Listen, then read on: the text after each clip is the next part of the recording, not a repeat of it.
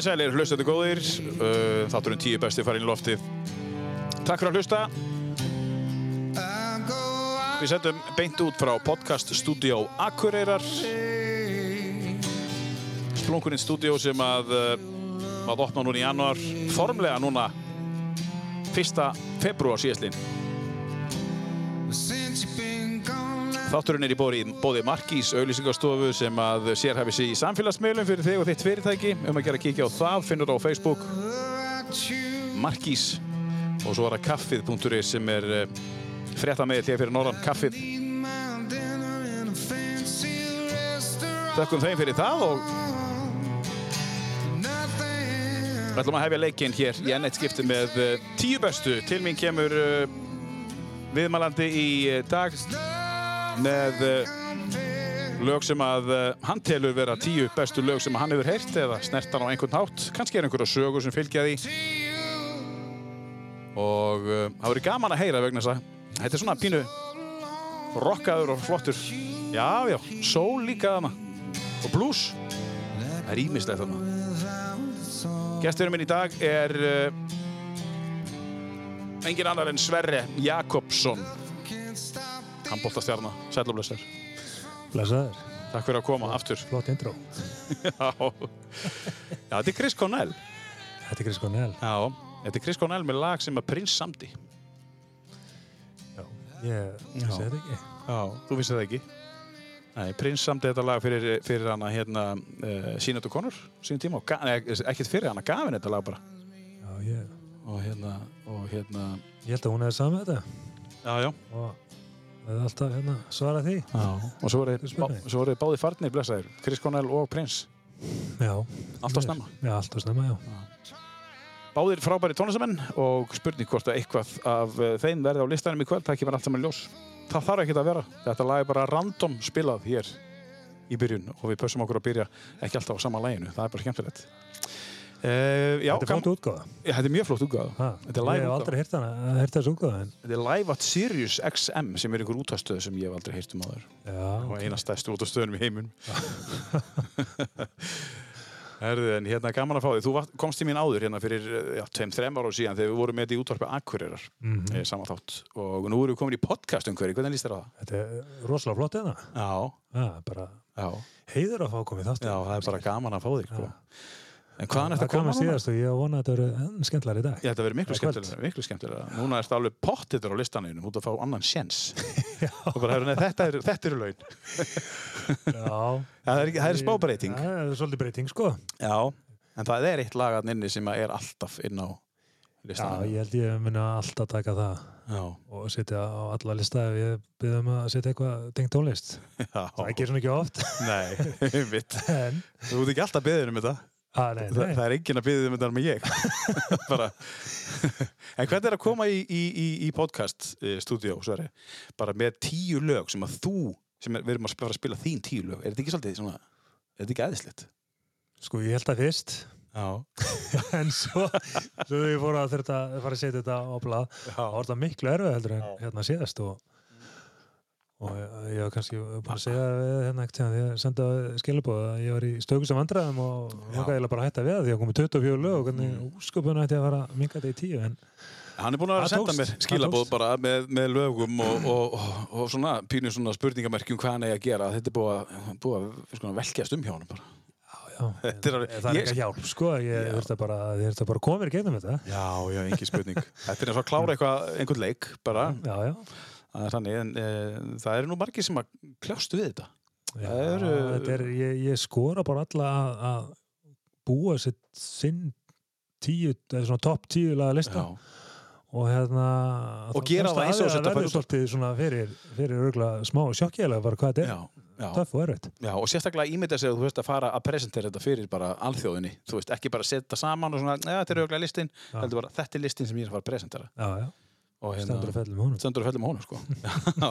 Svo næstu þú kemur einhvern tíðan þá bara kannski það verður alltaf eitt lagin inn í það alveg 100% já, já, Það vil maður spila það að síða síðasta lagi hérna í kvöld að já, spila. eða í dag eða kvöld eða hvernig sem er áður en ekkert ef þú kemur, það er bara eftir 2-3 ára ekki? Jú, jú, það er bara. Jú, við bara neglu það hér með þið En hvaðan ert að koma núna? Hvernig, er- þú veist, þú ert uh, viðskiptastjóri á Arjónbanka Já. á daginn. Ég hef búin að vinna í Arjanbankana í 2,5 ár og Já. frábæra vinnustæð. Já, er það ekki? Jú, það er rosalega gaman að vinna í bankanum og hérna frábæru fólki Já. og er þarna yfir sagt, svona fyrirtækja málum Mm á, á norðaustu svæði -hmm. og ég er reyndar ekki að koma það núna sko. Nei, nei. En mikið flakka á þér, þú veist, þarfst að ferðast mikið á, þessu svæði, á milli. Já, ekkert mikið en það er svona svo alltaf hérna reglulega sko. Já, já. Og ég er náttúrulega ekki kannski farið eins mikið núna.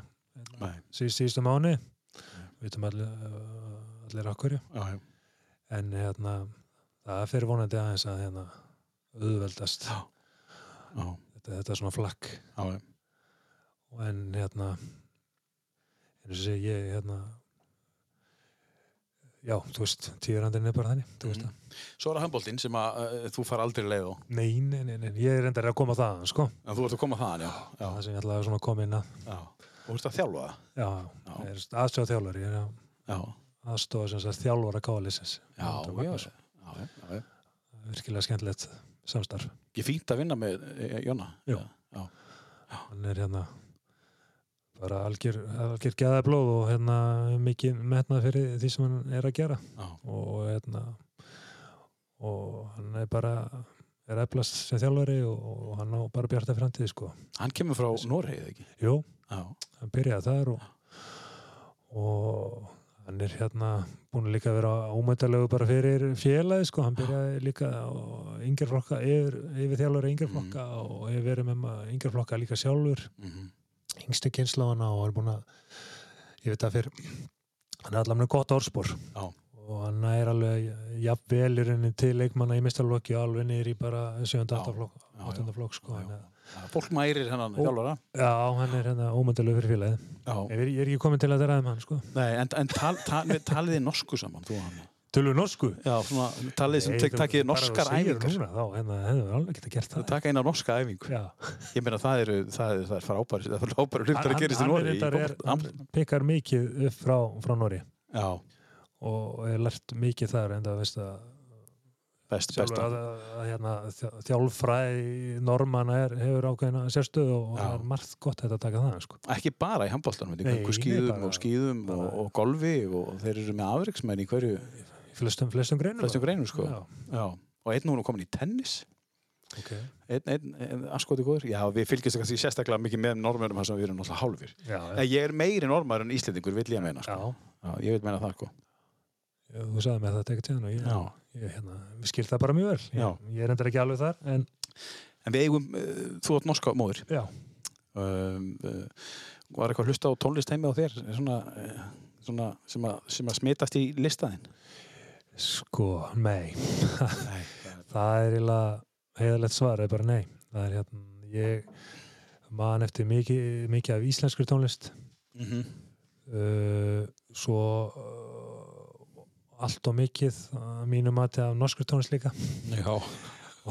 er það bara svona það, það var einhvern veginn, já það fínt að gleyma því?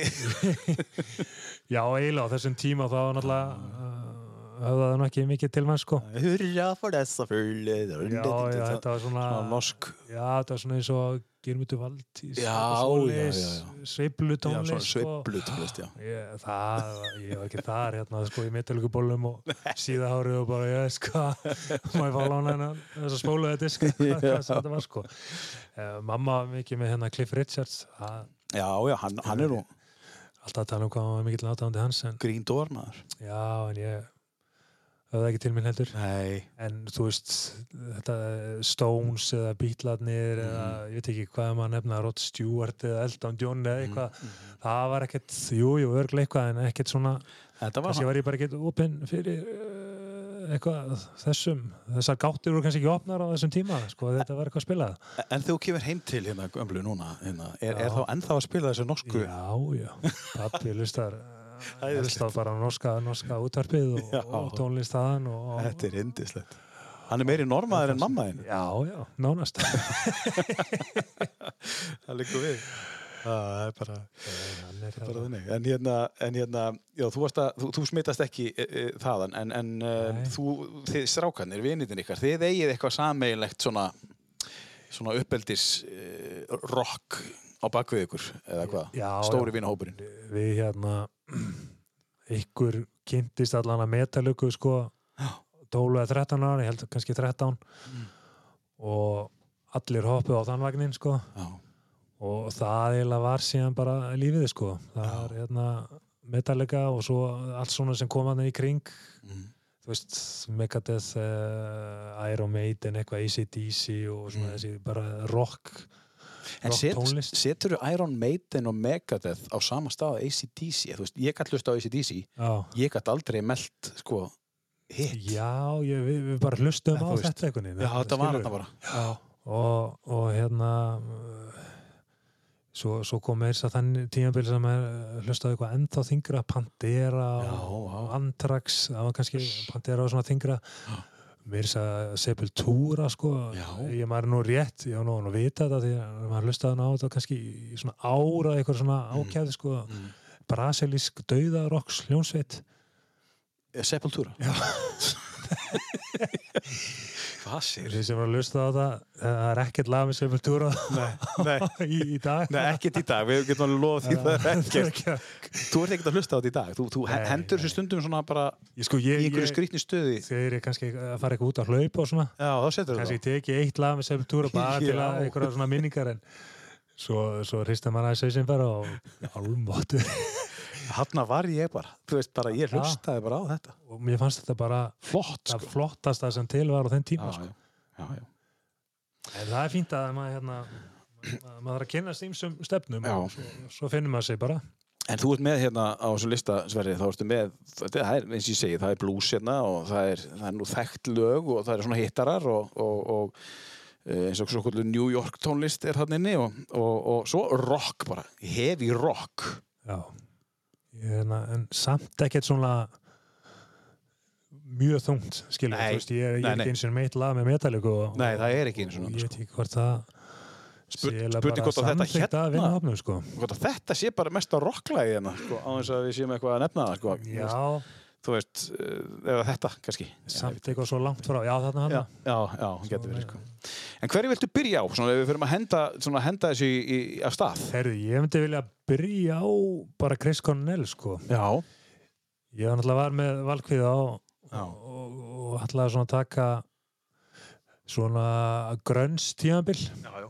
það sem að hlusta á Nirvana, Alice in Chains og Seattle Grunnsinn maður. Já, Já, og það var alveg tímabela sem það, það var mjög mikið spilað. Já, já.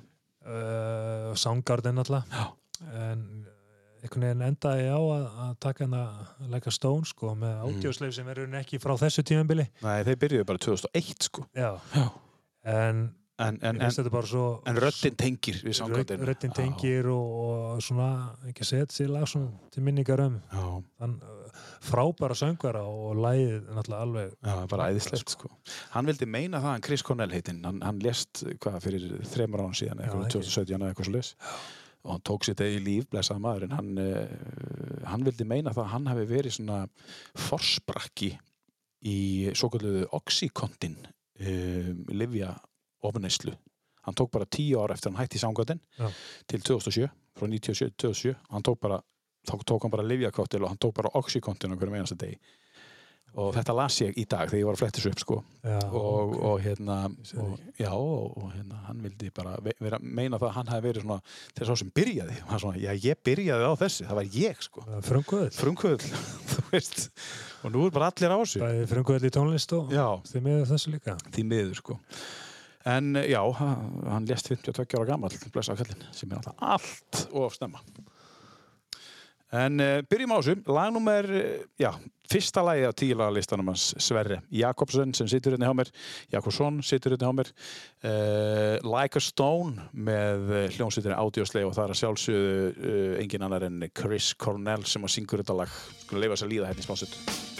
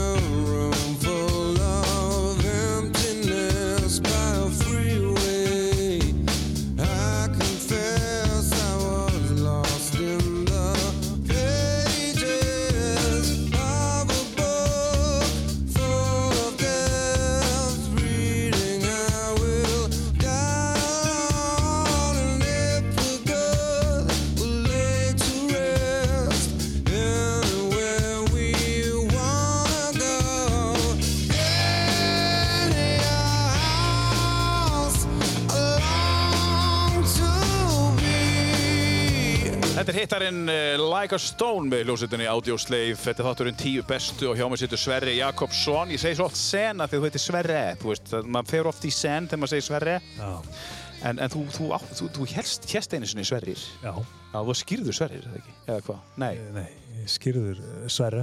þú skýrður Sverrir. Já. Já, Og ég breytist í Sverrir þegar við flytjum frá Noregi til Ísland, sko. já, já. Hvenær fluttuðu heim aftur? Það var 80, 1982, Já, já. Hvar bygguðu í Nóri? Oslo. Já, bara í Oslo. Já, Já. Var, hva, var, var hann gamli sem að fluttu út og kynnti smömminu, var hann að læra það eitthvað svo leiðis? já. Já, það var svo leiðis. erum hérna á Bifröst, samanúrskólanum og ætlaði að taka aðeins meira nám og, og, og fór eitthvað svona starfsnám líka og, mm.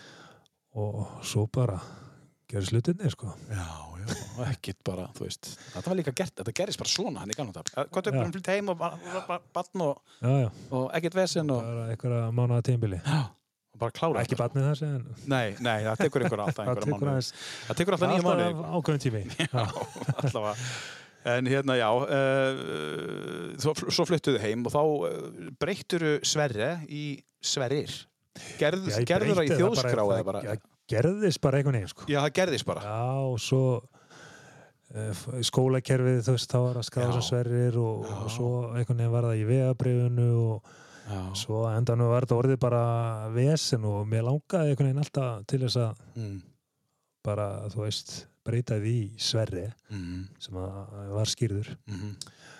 og, og, og það var bara ákveðin tímapunktur uh, sko þetta svolítið seint það var ekki henni ég er að flytja í Þískala sko, sem ég, ég ákveða nú bara að, Mm. að einhvern veginn að breyta öllu allstaðar í Mm. Sverre Andreas Jakobsson Mm. punktur Mm.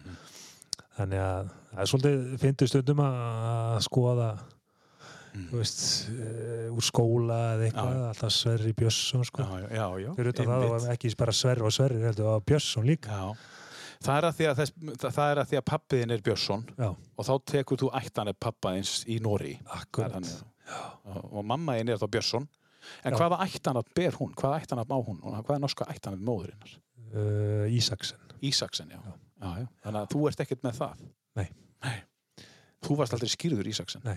Nei. ég að skýra það Nei. í rauninni er ég skýrur Sverri Andreas Björnsson svo er ég Sverrir Sverri Björnsson. Björnsson, já.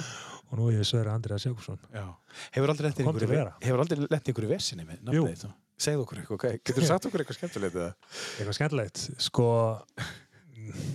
já sko svona auðvitað er eiginlega bara fjölmargar sögur þannig síðan Mhm. Vesta var eiginlega þegar vorum að fljó- fljúga með landsleginu frá Svíþjóð og vorum að fara að spila í Serbíu Já. mann ég og hún lítur á veðbrið og, og hérna farseðilinn og segir þetta bara er ekki að passa saman hérna. Það eru ómargi stafir ekki eins. Hvað orðunum og að því einar Þorvara sem þá frangvæðstjóri hann uh, svona gleymdi stundum Já, já. hann, hann man bara alltaf eftir Sverri Björnsson. Já, já, og skráði bara hann er þannig og svo ég með þannig sko vegabrið og svo allt hann í passanum. Þannig að það kemur hérna örgisvörður sem er kallað til. Já. og hann er með skeiðklöku segið þið hafið núna, þú veist, þrjár mínútur og 47 sekundur til að kaupa nýja með og koma okkur hérna inn í getið annars er bara að missa vilni og, Hvað er þetta að og, segja? og hérna og við hlaupum á stað og hann og eftir okkur. Með já, þetta var útalega súralist og svo bara saðan, ja, þrjár mínútur og Nei. sem við, var ekki róðalega langt í, í hérna, meðsöluna og það var búið að kalla í talstöðuna að við værum á leiðinni þannig að það var búið að undirbúið þetta aðeins sko. Og við hlaupum hérna og, maður fann að svitna og ég fann að bara í maga sko. Missa vélni og hvað nærma leiknum og lalalala og, þetta var svona eiginlega eins og í bíumöndu við komum hérna bara einhverjar 13 sekundum áður en að það átti bara að loka hliðinu og hann með skeiklukuna Hann alltaf með bara. og ég, er ekkert að í geinsinni, það var útrúlega erum Var að hann hlaupandi og eftir ykkur með vita Tvær og tíma hálf? sko. En við náðum vélni Þið náðu vélni og náðu en leiknum. hann sagði sko ekkert sem þegar hann var að brenda út með hann þú veist, þið fáu ekki meira tíma sko Nei. og síndu okkur alltaf tíman og sagði hann Já. þannig að þetta er svona eitt af, eitt af því og En þurfti hann ekkert að skila sér í flugvélina á reyðum tíma? Var hann að spája að hlaupa bara undan ykkur það, tilbaka það? hver, ég- nei, nei, hann var náttúrulega bara, nú bara að vinna þarna og Njó, hann var ekkert að vinna í nei. Já, ok. En við náðum þessu og eina var eitthvað hálf fúll líka. Þetta er náttúrulega Já, auka, auka fjármunni fyrir, þú Átækt þú samband. var búin að hitta vel upp fyrir leikið þá sem var bara, já, já, hvernig fór leikurinn? herði, hann fór jafntefli. Já, fór allir, manstu bara hvernig allir leikið fóru eða svona í, er þetta eitthvað svona Já, mjög margir allan. Er það? Flestir. Ekki, kannski, mann ekki alla, ég ætla ekki að vera halda því fram, en, en það er rosalega, það er rosalega aðtilsvægt Ég man þetta var í Serbíu, held ég í borg sem heitir Nýs, sem er allt klikkað sko, útölu stemning Mm. og það sem henn að henda kveikjurum og smá örum og svona inn á völlin sko. Og ég man að þeir jafnan og svona vafa sem atriði í lokin og öryggis, eða sagt, hérna, eftirlitsdómari segir bara, er, bara, við erum bara sáttið við þetta. Já, Við erum bara sáttið við þessu úslit. Þú veist, við skulum ekki vera að Já. hérna, mótmæli sem dómið en eitt. Við áttum bara að taka já, meinar Það sé allt orðið, held ég, brjála, sko. Já, að það var allan að gefa það nýskýr sko. Og það var svona skrýtin tilfinning já, það meir svo bara til að bæta að því ég man eftir þessu að Mm. það var hérna sem sagt dómari, Kjartan Steinbeck sem Já. kom með okkur Mm. það hann var svona eftirlistómar oft fyrir hérna, hérna á leikjum bara elendis Já. og hérna hann kom með bara til þess að að dómarinn myndi sjá hann og vita af hann á leiknum Já. þegar menn hafði rættir um að, að, að, hérna, að þeir eru kannski eitthvað hliðhóllir Já, meinar hérna, sko. Hann kom bara með til þess að vera svona að láta sjá sig og bara, Já. "Heyrðu, ég er hérna þótt, þótti allan að til, til þess sko Já, hann, hann var alveg það þekktur, þeir vissi hver já, var. já, já. já, já. Og dæma hann vann fyrir EAF og EAF og var eftirlistómar á fjölmörgum uh, stórum leikjum sko. Frábært. Við ætlum að fá aðeins meiri, hérna, ég, ég kalla þetta bransasögur. Uh, þú, þú varst í bransanum, ekki kannski í tónlistabransanum, íþróttabransanum. Ég langar að heyra aðeins meira um, hérna, við, við verðum að fá að heyra aðeins um, hérna, uh, 2008 líka. Var ekki 8, sem við fyrst var 8 sem við fengum silfrið. ég ætla ekki að svara þessu, þú veit þetta Það ég man það ekki alveg. það er 2008 já. Já, 2008, já. þú er aldrei að sáttur Við höfum að ræða það bara, hérna, í framhaldi. Við ætlum að fá hérna næsta lag. Hvað er, er að taka næst, herðu, ég ekki að taka hérna Coldplay Coldplay Hérna ertu með hljómsveit sem er búin að gefa út bara hittar eftir hittar eftir hittar og svo, svo skilur þetta hérna eftir á listan já, jú, það var er rauninni- lag, sko. sko, ég get örgulega vel úr 30 lögum sko. en hérna ég ákvað að taka þetta ég, þetta skiptið, þetta er alveg sko, þetta, þetta, og ég held að sé alveg magna að vera á tónlingum og, Já. og, og þegar þetta lag er tekið Já, Hefur þú séð hérna þessa gaura á tónleikum? nei, því miður Já, þetta er lag með þeim, sko, þetta er ekki lagið af listanum sko. Nei. Þetta er af X and Y plötun, þetta er náttúrulega bara rísa stór plata Það er enda sko gaman að segja fyrir því að kannski gaman að segja fyrir því. Já, að ég er nefnilega sko bróðum Já. hann sendi mér alltaf hérna sko hann var alltaf að brenna disk og svona á sín tíma og eða spólur og svona Mm. Já. hann gaf mér alltaf svoleiðis hverju einstu jólum og eitthvað svona nýtt sem hann Mhm. uh, var svona að fíla sko. Já. og hérna eitt ári senda mér Coldplay. Já, og það er alveg verið Parachutes já, og ég sagði hvað í ósköpunum þetta setti þetta í og bara fyrstur lustum bara wow já, þetta er svakalegt Náðu bara. segja strákunum frá þessu og hann hefði nú já. ekki hýrt af Nei. þessu ljónsveit nei og eftir þetta hefur þetta verið eina mínum uppáðsljónsveit sko. Hvað er þetta langt síðan sér? Hvað varstu gammal hana? Þetta var bara, sko, er bara þetta er 20 ár síðan örugglega. að, mjög langt síðan að Það var bara ungur samt svona sungur já Ungur í alda. Það er auðvitað að heyra hérna Coldplay. Fix You heitir þetta, leiði mér aðeins að rúla og svo ætlum við að fá svona, eh, já, að heyra eins hvernig þetta var. Hérna, ég held að það hafi verið 2008 sem við vorum á olimpíuleikunum ég manna það ekki alveg en svo er brjálar, ég manna það ekki. When you try your best but you don't succeed. When you get what you want but not what you need. When you feel so tired but you can't sleep. Stuck in reverse.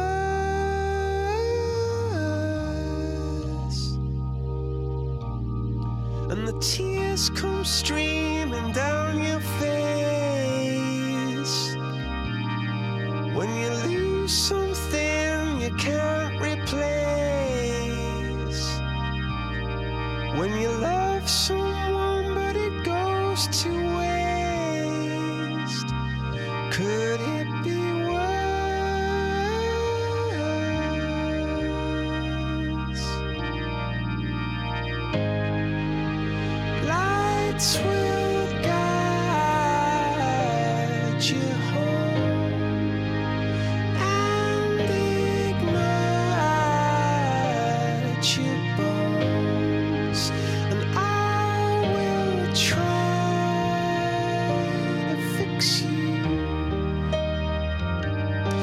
náttúrulega bara ennþá að byrja. Eh, Þetta er svona lag sem að tekur smá tíma að byrja en við ætlum að leiða þess að rúlla hérna aðeins undir meðan við uh, höldum áfram að tala við Sverri Andreas Jakobsson sem að uh, setur þetta hjá mér í tíu bestu. Sverri, einn spurning. Já. Um, ef það er, þú er búinn að spila einhver handbóltaleiki í gegnum tíðina. Er einhver eitt leikur sem þú mannst eftir sérstaklega einhver annar? Einhver eitt leikur sem bara poppar upp bara þessi leikur? Og þá akkur? Já, það er hérna sko, svo sem poppar því miður oftast upp í höfa minn er hérna leiku ungur í áttalöðslitum á Olbuleikunum 2012 London. og, ekkit svona frábæra minningar Nei, segðu okkur af hverju, af hverju, það rifið upp fyrir fólki sem man ekki. Það eru sumir sem ekki hvernig ólimpíuleikuna voru, sko, þegar við unnum silfi, sko. Nei, það, það eru ekki margir Nei. ég heita ykkur um þetta sko 2012 þá þá uh, erum við um líklega með okkar besta lið bara Já. veist, við vorum með reynslu uh, leikmenn í öllum stöðum allir að spila stór hlutverki sínum liðum og, og eitt markmið það var að komast bara aftur í úsleituleik og ólpjuleikum og vonandi aftur við frakka og, og Mm. við trúðum því að við getum bara unnið þetta mót Mhm. og eh, við lendum sínum í svaka mótlæti hann á móti ungurum Hvað gerist? Játtalegu úrslitum en, en ser þetta fyrir það þú veist, yfir einu marki og dvíti og það er innan við hálf mínutt eftir að leiknum veist, Þetta er skuggalegt, sko. þú vinnur oftast þessa leiki sko. Já, bara, það er bara ekkit uh, séns á öðru en einhvern veginn þá spilaðist þetta þannig að þeir ná að jafna og fyrir mig framlengingu og töfum einu og, og það er bara rosalega erfitt að Já. gleyma þessum leik og, og komast yfir þetta sko. Já. Því við æðum náttúrulega alveg svakalega vel þetta sumar Mm. fórnum reynu öllu til þess að vera bara á top of our game Mhm. sko, á þessum tíma og við vorum það þess, og spilum frábærlega á tímbili en þegar á reyndi þá bara klikkuðum við þau meður Þannig að við brennum á vítinu. brennum vintinu Þeir og þeir ná frákastinu. og keiru upp og það spilast einhvern veginn allt þannig að, að, að, að hérna, við, klú, eða svona, við klikkum svolítið líka bara stað, staðsetningum og, svona þegar Mm. vítið var tekið sko, sem við vanilega já, gerðum ekki og svo, já, bara jæmt og svo vinna þeir í framlengingu og, og ég, sko, stemningin í klefunum eftir þetta þetta, þetta var ótrúlega svona erfið Já. Ríkala erfitt að fara inn bara... ég vil ekki segja þetta er erfið lífsærinsla en sko en fyrir íþróttamann Já, við sko bara þá, hliðina sko. Já, við, við sko 100%. ekki bera það saman við kannski svona lífið sjálft en, Nei, nei. en svona fyrir íþróttamann sem hefur lagt svona við já, já. og það var svo mikið spennufall sko Já, já. Við, að því við sáum hérna glitta í að ná þessum draumi sko og markmið en það var tekið tekið frá okkur Hver tók vítið? þannig til Snorri Steinn Já. það er nú verið svona gaggrind líka en, en stöndum á föllum sem lið ekki svo gaggrind hann að klikka heldur bara á þessum tímfóttu var oft rættum að annar leikmær hefði kannski Já. átt að vítur Já, og svo það er alltaf ef og hefðu allt þetta sko Það er alltaf að það vera vitur eftir á. já, já, En málið er það, sá sem að færa að taka víti á sín tíma í svona stórmóti, Já. hún er með treyst fyrir því. já, Þannig að þú mátt brenna af en reyndu að skora. Skilur við? já, já, Skilur, þú mátt alveg brenna af en reyndu að skora. já. That's it. Og hann, hann, hann, Og hann reyndi að skora. hann reyndi. Já, já, engin spurning. En Hann, hann, þetta er auðvitað erfiðast fyrir hann. Hann er auðvitað að dreyma hann alveg. bara Já. ræðilegt fyrir hann sko Já. En, uh, en uh, 2008. já, Þú veist. það var svona, svona skemmtilegur mót Já, það var svona skemmtilegra mót. Förum aðeins inn í úrstaleikin hérna 2008 í olimpíuleikunum uh, í, hérna, hvar var það eftir? Peking, Peking, þú mátt giska á hvaða land það er Hefur við að heyra þetta þá næst eða? Af því að, eða hvað, viltu, viltu taka eitthvað annað? nei, takk þetta bara Þetta er lag sem er samið á Íslandi. mm. Er það ekki rétt hjá okkur? Jú, þetta Já, er allan á- um Íslanda eitthvað leiti er ekki á hótel. blástur af uh, veru þeirra hér Já, og ég held að þetta er samið á hótelherbyggi bara á Íslandi. Einhvern tíman, Já. ég var að tala við einhvern um þetta.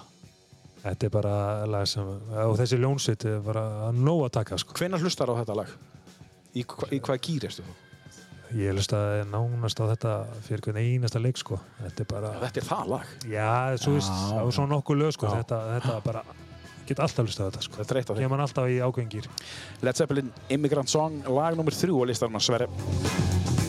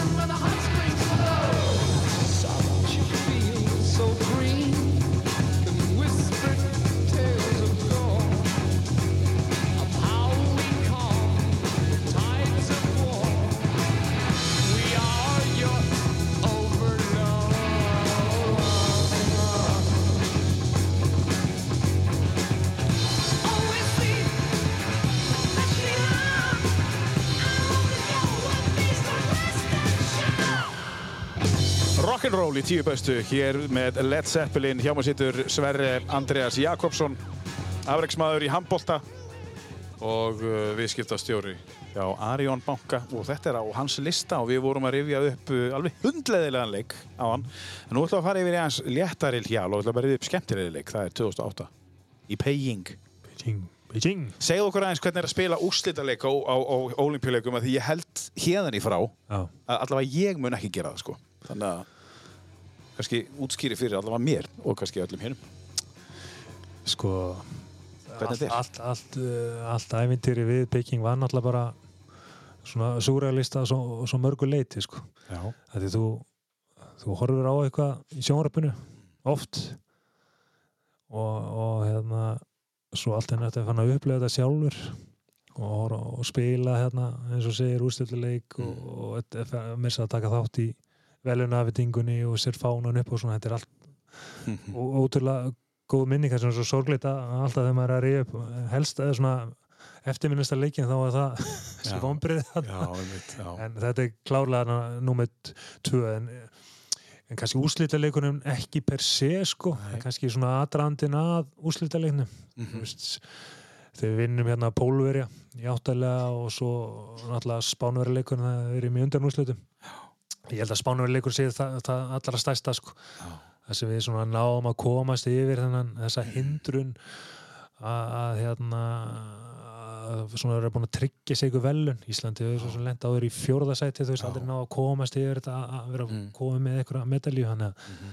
ég held að spannumleikunum var eiginlega svona stærsti leikunum skilur þá að upplifunum alltaf frábær og allt sem kom á eftir þessum mm. úslitileik en uh, ólipileikar er bara uh, svo, svo, svo uník á svo, svo mörgu leiti að hérna, það er ekki að bera það saman við til dæmis önnu stórum út í handbólt eða eitthvað svoleiðis. þetta, þetta, er, þetta er svo Eins og hvernig, hvað? Get, veist, er þetta bara út af því að þetta er fjár ára fresti? Já, þetta er bara svo fjölmynd og, og þetta er svo, þú veist bara dæmi, þetta er náttúrulega bara lítið þorp.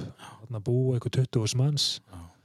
Og þetta er eins og bara að væri veggur í kringum já, og, og þarna væri bara samfélag í, í, í fjóra vikur. Það sem hérna öll þjónusta og, og annað væri bara hérna til staðar. Fyrir, fyrir íbúa þessa þorps. 20.000 keppnur? Nei, sko ekki kemur, Nei, sko, svo, svo, svo starfsfólk og, og þjálfarar og, allt þetta, sko. 20.000 sem kom að þessu? Já, ég held eh, 15-20 Það er, það er bara... Matatjaldið tótil var þessi hérna á 85.000 manns í sæti sko, sig að, og allt í bóði sko Allt í búði, sko. Já. og þú veist að geta þú rekst kannski á hérna Jussi Bolt Já. Hann er að það bara. röldinu og nýbúin að fá sér hafragrautin og þú ert að fara í hafragrautin sko Já, já. Má- Ertu, ertu, ertu good morning, good morning Má ég setja, ertu hút að fara? Ég ætla að taka setið þitt, já. Já, já. Já, já. En, uh, sko, hvernig er uh, fyrir svona, þú ert komin á þetta level, þú, þú segir, þú er búin að minna pólvera, þú vinnur síðan í undanrúnsluðum spánvera sem er huge. Uh, hvernig er að gýra sig í úrslitaleik þegar þú ert búinn að koma svona langt? Er það ekki ógislega erfitt? Þú ert komin með eitthvað. það var svona ákveð spennufall eftir einmitt spánuleikin Já, Þú einmitt. bara komin með medalju og, bara einmitt. tryggja það Já, en við, við spilum alveg ágætlega mann í fyrráleik en svo eiginlega svona þeir voru sem bara framæri við og, og, og, og bara betri í leiknum en, Mhm. en þess vegna langaði okkur til að hefna mhm, fjórum ára setna sko. mhm. og, og við töldum okkur þá vera bara með mun sko andlega, svona andlega sterkari hóp Já. heldur en þá og líka reynslu Já, af búin kannski- að fara í ústa leik og, já, og svona gekk ágætlega á stórmótum eftir það Já. upp að svona 2012 sko, Já. að mörgu já, einmitt. þannig að reynslan þar var líka Já, komin sko já, þessum Evrópu og hinsbjörnstarmótum á milli. já, já, Já, einmitt. Þetta er Já. já, en, en útölu bara fórréttindi að fá Já. að taka þetta í ólbílu Hugsaður stundum aftur og bakk til þessa tíma eða er þetta bara svona, þú ert að rifja upp þegar einhver spyrði að þessu, ertu stundum að Já, en oftast þegar maður spurður að þessu og, en, en einhver séu bara mjög stoltur að þessum tíma sko Já, og ég man að það var bara svo mikið sangkeppni líka að komast, það voru bara 14 leikmenn Já. Já, sem einmitt. fengu Já. sem sagt, að fara á olbjöleikana og það vildi náttúrulega allir fara þannig að ég man að það var svona rosalega góður svona móralli í liðinu en, en undirliggjandi var líka gríðileg sangkeppni og, og það er erfitt að finna hann balans sko Leiðilegt að vera 15. og 16. maður í þessum hópana. Já, og þetta var, eh, held ég, við byrjum held ég 20 að æfa og svo var þetta 18 og svo var, held ég alveg örgulega 16 og það fóru 15 út reyndar. að 15 út, já. 15 var fyrir utan þá þorpið og Já, og það var hann Það hérna, Bjarni Fritz. Bjarni Fritz, já. Já, já. já. Um, já þetta, er, þetta er gaman að heyra. Gaman að heyra svona, en sko eins og ég segi, var ekki staðan í hálfleik bara eitthvað, uh, á móti frækum. já, Ég held að það verið tvö mörg nú voru tvö mörg, og svo endaði þetta með nýjum mörgum eitthvað. Nei, hvað, veist hvað, vá, á maður ekki, að muna þetta. Nei, ég maður á að munna þetta, sko. Ég, þetta- náttúrulega þetta ekki enda með 5 eða 6. 5 með 6 mörgum. Já, var, þetta var ekkert, En ekki, er ekki smá svona, uh, svona, ah, svona, finnst þér ekki æðislegt að frakka þegar við lendi í fjóruðarsæti núna á heimsvistarmótinu? að þeir komast ekki einu sinni á topp 3. Er svona smá, svona, að hí á ykkur. að það fara flest landslið gegnum einhver endur nýjun og Já. Mér sýnist hérna að þeir vera svona einhverju vegferð það sko Já, er ekki einhverju sem að spiluðu þannig, er ekki flest allir sem spiluðu 2012 en þá í landsliðinu? nei, nei, nei, nei, Er þetta alveg nýtt la- landslið? ekki alveg en þú veist það er svona já, Já. bróðpartinn Já, ok, og, og rúmlega það já, ok. en já, já, það, það er mikil breyting um búin að þessi í flestu landslið síðan 2012 Já, það er æðislegt. Við ætlum að fara aðeins yfir í þjálfaraferilin og það sem út að gera núna hérna á eftir. Við ætlum að fá næst, eh, næsta lag af eh, fjórða lagi á listanum. já, Hvað eigum að, í hvað eigum við að henda núna? heyrðu, tökum hérna ég ekki taka bara bluesin Já, blúsin, þessi hérna. Þetta hérna, ég hef aldrei heyrt þetta lagur. Nei. ég hlusta mikið á tónlist og ég hafði heyrt eitthvað með þeim en ég, þú ert að vera að koma sér til langt inn í þennan tónlistamann til þess að, tónlist til já, þess sko að grafa þetta upp, ég. ég hef alltaf haft svolítið gaman að blues Já, og ég er ekki svo langt sinni ég fór að hlusta á þessa hljómsveit Mhm. kynana, má ekki Mm. segja Rolling Jú, jú. Stones sem sagt ég, ég kannski ekki að ég hlusta frekar Rolling Stones um bítlana já, það var nú bara ekki næst en ég er ekkert mikið að hlusta Rolling Stones en mér finnst þeir rosalega flottir í bluesnum Mhm. og mér skilst að ég var að lesa hérna Keith Richards æsuguna, hann, að þeir ætluðu að fara svolítið bara þá braut í blues og jazz og, og, Já, og já, ok. hann að uh, komað sterkir þar einn sko. já. Sem þeir gerðu með þessari plötu. og, Blue og, and Lonesome. og svona, svona fyrstu árin voru mótuð af með þessari tónlistöfnu og þeir voru, voru og eru bara, finnst mér þarna mjög flotti sko. já. ætlum að heyra hérna lag af Sverri Everybody knows about my good thing Þetta eru Rolling Stones I was talking to the postman. He mentioned your name.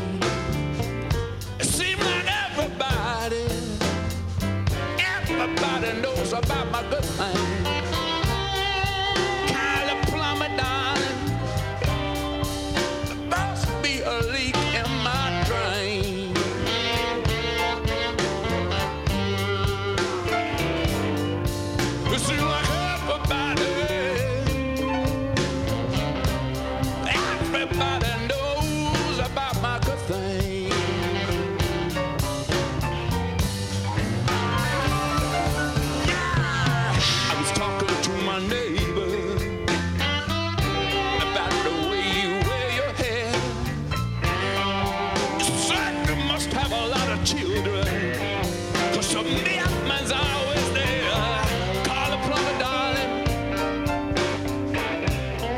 Hvað það við bluesinn, Sverri, sem að, sem að hann fer alltaf einhvern veginn aðeins dýpra inn í mann heldur en kannski eitthvað annað. Það er svona, gerist eitthvað inn í manni þegar maður er að hlusta á blues. Þannig að reyfa sig öðru í sig og þú veist, maður verður svona eins og svona, Svona einhver taktur Svona og taktur, sko. feeling, svona, maður kemst í einhvern ákveðin feeling sko. Já. Og um mitt. ég, ég hlusta ofta á blues sko. Kannski er að einbyttir með einhverju eða, eða, eða bara svona chilli heima sko. Já, einhverju blues. Sérstaka artista eða, þú veist, fyrir utan Rolling Stones, eða ertu... Núna er ég svolítið eh, með fókusin á þá sko. Já, já, já, já, Og Gary Moore líka er Gary Moore, aftur á já, já, það er svona langt síðan en eh, svona, það er svona upp á síðkastið sko. já, já, það er svo, maður er alltaf einhvern veginn að uppgöta nýja nýja blúsara sko. já, já. Þetta er bara skemmtilegt. Uh, þetta er að plötunni Blue and Lonesome, uh, 1960 og eitthvað, uh, ekki, eitthvað Jú. 65 eða eitthvað. Herru, þú ert að þjálfa, þú ert að þjálfa Káa, ég er aðstöðþjálfur ástöðu þjálfa Káa, já, um, uh, með Jonna Magg. Já. Uh, hvernig gengur það? Hvernig, uh, hvernig finnst þér að vera uh, að þjálfa handbóltan? Svona, þú, þú varst líka yngri, yngri flokkunum. Þú miður þetta, þú tekur svona yngri hó- hópurinn eða mestrarflokkurinn, viltu fyrir að vera, kannski er þetta að segja það nú, sko bara nánast að hver flokkur hefur sinn sjarma ég er nú flokka, nei hérna flokka ég er nú þjálfað Já, allan að mjög marga flokka. Já, og byrjaði til dæla að snemma að þjálfa kring, uh, svona rétt um 20 Já. og, og hef alltaf fundist það bara útrúlega gefandi og skemmtilegt. Og, og eins og segið það er bara hver flokkur hefur sinn sjarma það er eitthvað ákveð sem vilt ná í gegn. Auðvitað mest að pressa þegar þú ert komin í meistarlokin mhm, hvað það var en, en grunninn alltaf að sama einhvern veginn. Mm. og bara já, virkilega gaman að- að að- að starfa bara við, við þjálfun og, og, Mm. og í handbóltanum sko. Já, þú ert að svara eh, þú ert ekki að svara stjórninni ef þú ert að þjálfa yngri flokkana þú ert eins og að fara að fund með stjórnin og svara það gengur ekki alveg nú vel með meistarflokknum auðvitað er það meira svona kennsla sko. það er í kjensla sko og, Já. og, og, en það er farið fram á og inni samt það er pínu keppni líka það er, það er alltaf, ákveðin keppni, sko. sko. En, en þú, þú svona vinnur samt eftir að kannski aðeins mismandi Já, hvað að segja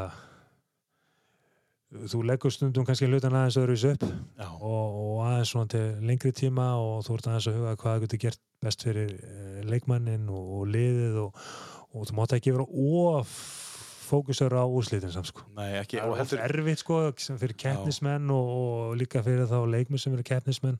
Sá ekki svo gamleðir eru en, en, en markmið er náttúrulega að bæta og það er ekkit alltaf með því að, að, að vera fókusur á sigur sko. Við ætlum að fara að fara lengra út í þá salma aðeins að, að hæja á metnaðanum sem þú ert með þessa yngstu bara svona að leifa þeim aðeins að leika sér og... Já, metnaðar er að búa til eitthvað sko og Já. þú vilt kannski sjá í lokin að þú ert búin að virkilega að, að ná ykkur fram ég skil. við komum til leikmanni.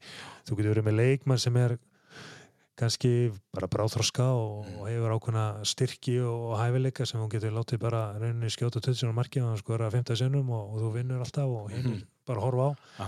Þú veist, er það markmiðið sko? já, nei, það getur ekki verið markmið Ja, veist, og líka bara hann kannski gerir alltaf sama hlutin, voru að kenna hún nýja hluti þá já, og, og þú veist Já. að liðsportið og, og, og svona línuspil og þú veist þetta, þetta er, þetta er ert að setja þessum ákveðna línu og þegar, þegar þú varst að segja þessa sögu Já. varst þú að tala um sjálfa þig? Þegar þú varst yngri þú varst náttúrulega bara stór og sterkur og var svolítið svona Ja, ég var ekki dóla sterkur þú var, stór. Og var það einhvern með þér þannig í yngri flokkunum þú veist, gætt stokki upp yfir verðnina eða varstu við góða þjálfara?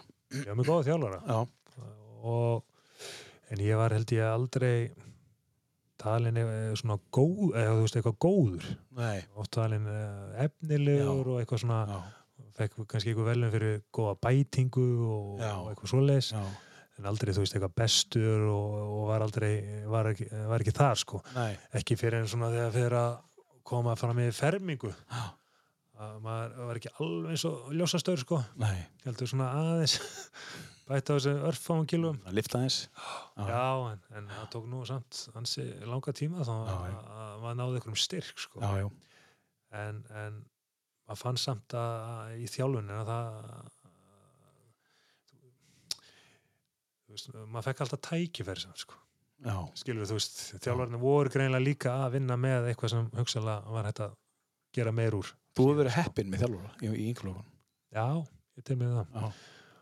Og ég, ég maður bara, Átni Stefáns þjála með reyndari yngirflokka, það var samt í fjórðaflokki, sko, Já, já. 13-14. Mm. Hann eh, kildi svolítið svona tiltrú í mann líka, sjálfströst. Svolítið í hans anda. já, Já. og, og hún er margt að þakka, sko. Já.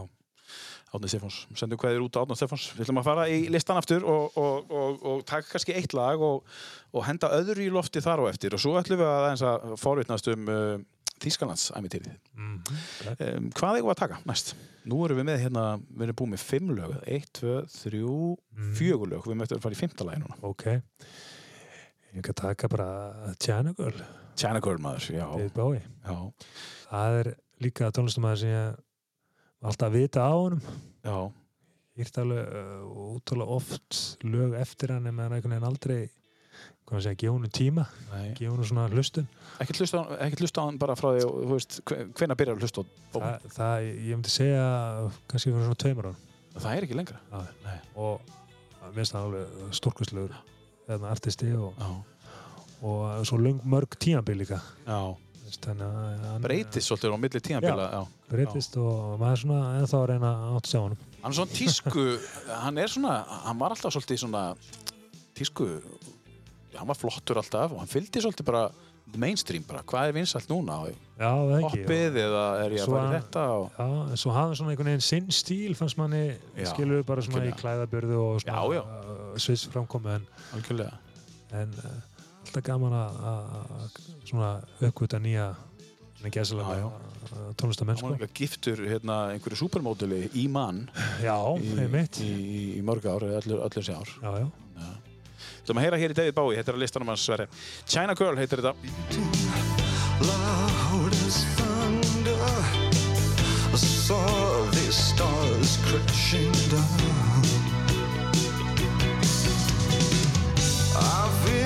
Tragic like I'm Marlon Brando. When I look at my China girl. I could pretend nothing really meant too much when I look at my China girl.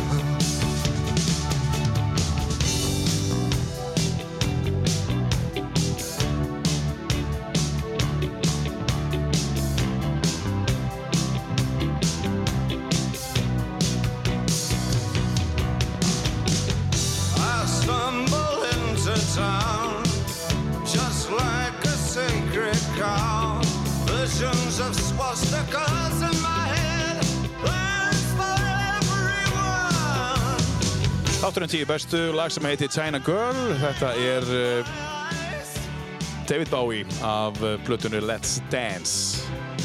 Hjá mér setur Sverre Jakobsson. Uh, Kendun við handbolta. Og eitthvað meira. Yfirleitt var handbolta, það er fólk krekkir af þaðan um, En þá En þá, við ætlum að fara eins yfir í atvinnumannaferilin svona að reyna, svona, við þurfum alltaf að fá einu og eina sögu eitthvað svona sko. Þegar nú ertu hættur Mhm. nú má alveg setja allt upp á borðið. Það sagði pappi alltaf þegar hann hætti í löggunni. Það var að nú má ég segja allar sögunar Já, það nei, nei, ég, Það- Ég held að kóti ekki þannig. Nei, ég er að grínast. En hérna þú, hvenar, hvenar byrjaði þetta ævintýri hjá þér? hvað varstu gamall þegar þú fóst út? Og hvað ár var þetta? Er Ég fer náttúrulega fer ekki bara seint út. Já, Ég fer 28 ára gamall sko. þú meiðist eitthvað hana 29, Já. 29.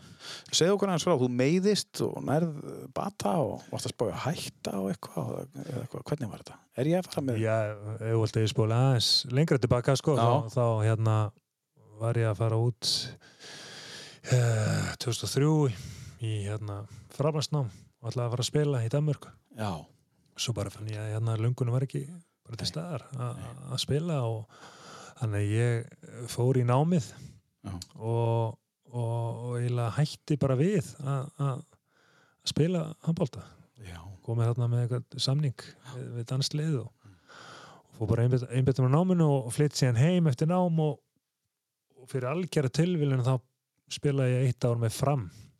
Já, 2005 til 6 Af hverju tilviljun? Var það bara...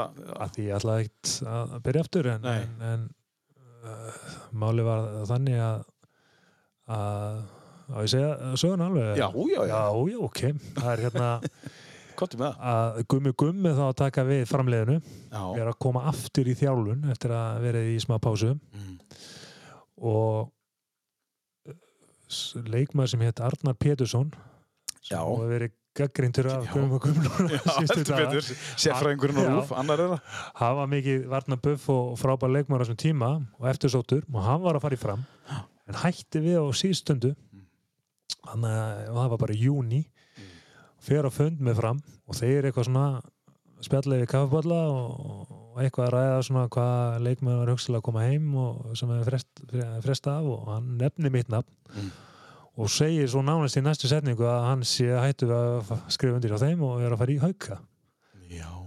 og, og er komið svolítið ég held þetta að sé svona byrjun júni og það er nú ekki margir leikmenn á lausu þá Nei, og undirbúningu byrjar oft bara. Já. Júni, byrjar júli og...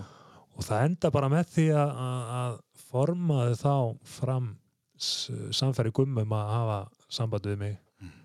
og við skulum gefa þessu séns það er ekkert annað það er ekkert annað í, fyllu við erum ekki vel úr neinu Þið vissu á þér. nema ykkur hérna Þarna það er komið. ekki gamall en svona þú veist Já, já. ykkur ekki að handbóltamæður Allavega ekki búin að spila í þá. Hvað, varstu ekki búin að... ár Tvö ár, tvö og þannig að ég fæ símtali og ég þakka bara pent fyrir og segja nei ég er Já. að koma þá með starfi hérna, í Íslandsbanka og, og ætlaði bara í það og alls ekki að fara í handbólta Bara nei, bara. Svo ringi ég þær aftur og, það eiginlega með því að ég segi já Má, má ég spyrja hverju? að því þeir gáttu í rauninni aðstæða með að finna íbúð Já, ok. ekki þá leikt, ég átti er, uh, eitthvað ykkur vesinu að finna eitthvað íbúð Já. og ég hugsaði með henni það er kannski bara gaman að taka eitt ár Já. og hætta með á aðeins öðru forsöndum en ég gerði á sín tíma. Það var aðlúta meðslum og búin að leiða handbólt og svona. Ég Mm. tek eitt ár og bara að njóta. Tek eitt ár. Eitt ár. Og, og ég líð þig ekki. Ég ætla ekkert... Það, ég hugsaði svona, þegar ég leiði á tímabil, þetta er mjög gaman og var mjög skemmtilega tímabil, kannski, kannski tek eitt yfirbútt. En, en svona, það var ekki í einhverjum fórgangi, sko. Nei. það var rauninni bara starfið að vera í forgangi og ætla bara að sinna því en svo bara gekk eiginlega allt og vel þetta árið og, og, og það enda eiginlega með því að sko 11 mánum eftir ég skrifa undir samningu við fram að þá þá er ég komin til Ískanlas 11 mánuðum eftir þú skrifar undir mig, þannig júni, þá ertu komin út bara þarna í, í apríl-mæja næsta ári. já, ég er, semst, er komin heim í lok ágúst. Ég man ég er að fara fyrst, um, fyrstu æfingar eitthvað hana í mánamótin ágúst september. Já, bara rétt fyrir mótið. Já, rétt fyrir mótið, ég hafði eitthvað tveitra vikur og bara, wow, þetta var mikið sjokk. En, en eh, bara æfði rosalega vel. Já. Svo var ég fluttur út þarna um miðjan júli þannig að já, þetta er innan við innan við Ég segi þess að þegar þú segir fluttur út, varst þú þá fluttur út með konunni eða varstu fluttur út af fram? Ég ætla að flytja það út. Já. Það var þetta. já, Hvort var það? Ég, ég var bara fluttur út, það er að segja Já. til Þýskaland til, að spila bólta já, og ekki út frá nefn Þú varst ekki sendur af fram. Nei, bara, nei. Flytja þig út. Nei, nei, það var mikill aðstæð svo sem í kringum þetta allt saman en, en, en já, þannig, þannig þróaðist þetta Svo ætlum við að heyra hérna betur og eftir hérna, hvað gerist í kjölfarið þegar við erum búin að taka næsta lag. Uh, við þurfum að leifa lögunum að koma líka hérna inn á milli. Um, lag nummer 6, uh, eða semst, já, sjötta lagið. Já, Hérna, við eigum þetta eftir, við eigum þetta eftir, og við eigum þetta eftir sem við ætlum að spila síðast og við eigum þessi tvö hérna eftir. taka hérna Pianoman Já, við Billy Joel já. Þetta er, uh, hann kom tíminn hann hérna Willi Mandraskáld, hann er hérna, Já, hann er hérna mikill bíli tjórmaður. Hann sagði mér að, að uh, hann sé bara halda eina tónleika í mánuði í Madison Square já, Garden alveg rétt og, og gerir eitt annað og það, það er alltaf fullt. Ekki Hann núna nennir ekki að vera að túra. Er ekki núna Nei, reyndar ekki núna. Ekki núna, akkurat. Uh, síðasta ári hefur verið erfitt fyrir hann örgulega. Er það ekki, er ekki bara sér og höfra En er það ekki rétt að hann er hann hætti að semja ný lög eftir 30 eða eitthvað? Jú, 1986 held ég að síðasta lagi hans hafa komið út. og bara, hann já, syngur bara lögin frá, sko, frá 86 og niður. Og, og, og það er alltaf fullt. Já, þetta er, þetta er æðislegt. Já, þetta er rétt sem þetta. Já, þetta er, já, þetta er rétt þér. Herri, Þetta er Pianoman frábært lag, leiðum þess að fara eins nokkra sekundur inn í, í vitalið, Billy Joel, svo komum við aftur hér til smástund.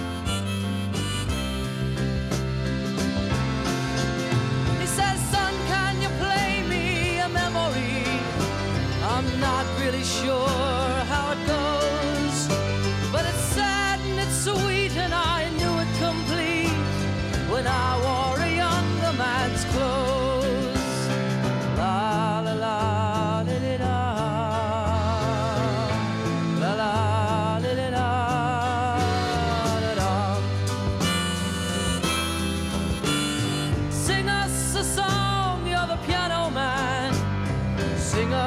Song,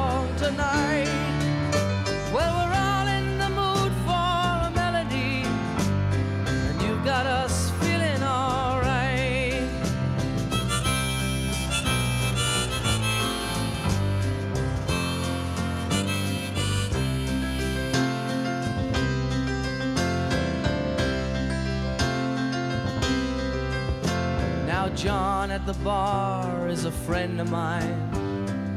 Billy Joel, uh, beint frá Bronx hverfinu í New York, sem hann býr í dag, býr hann þá í Bronx.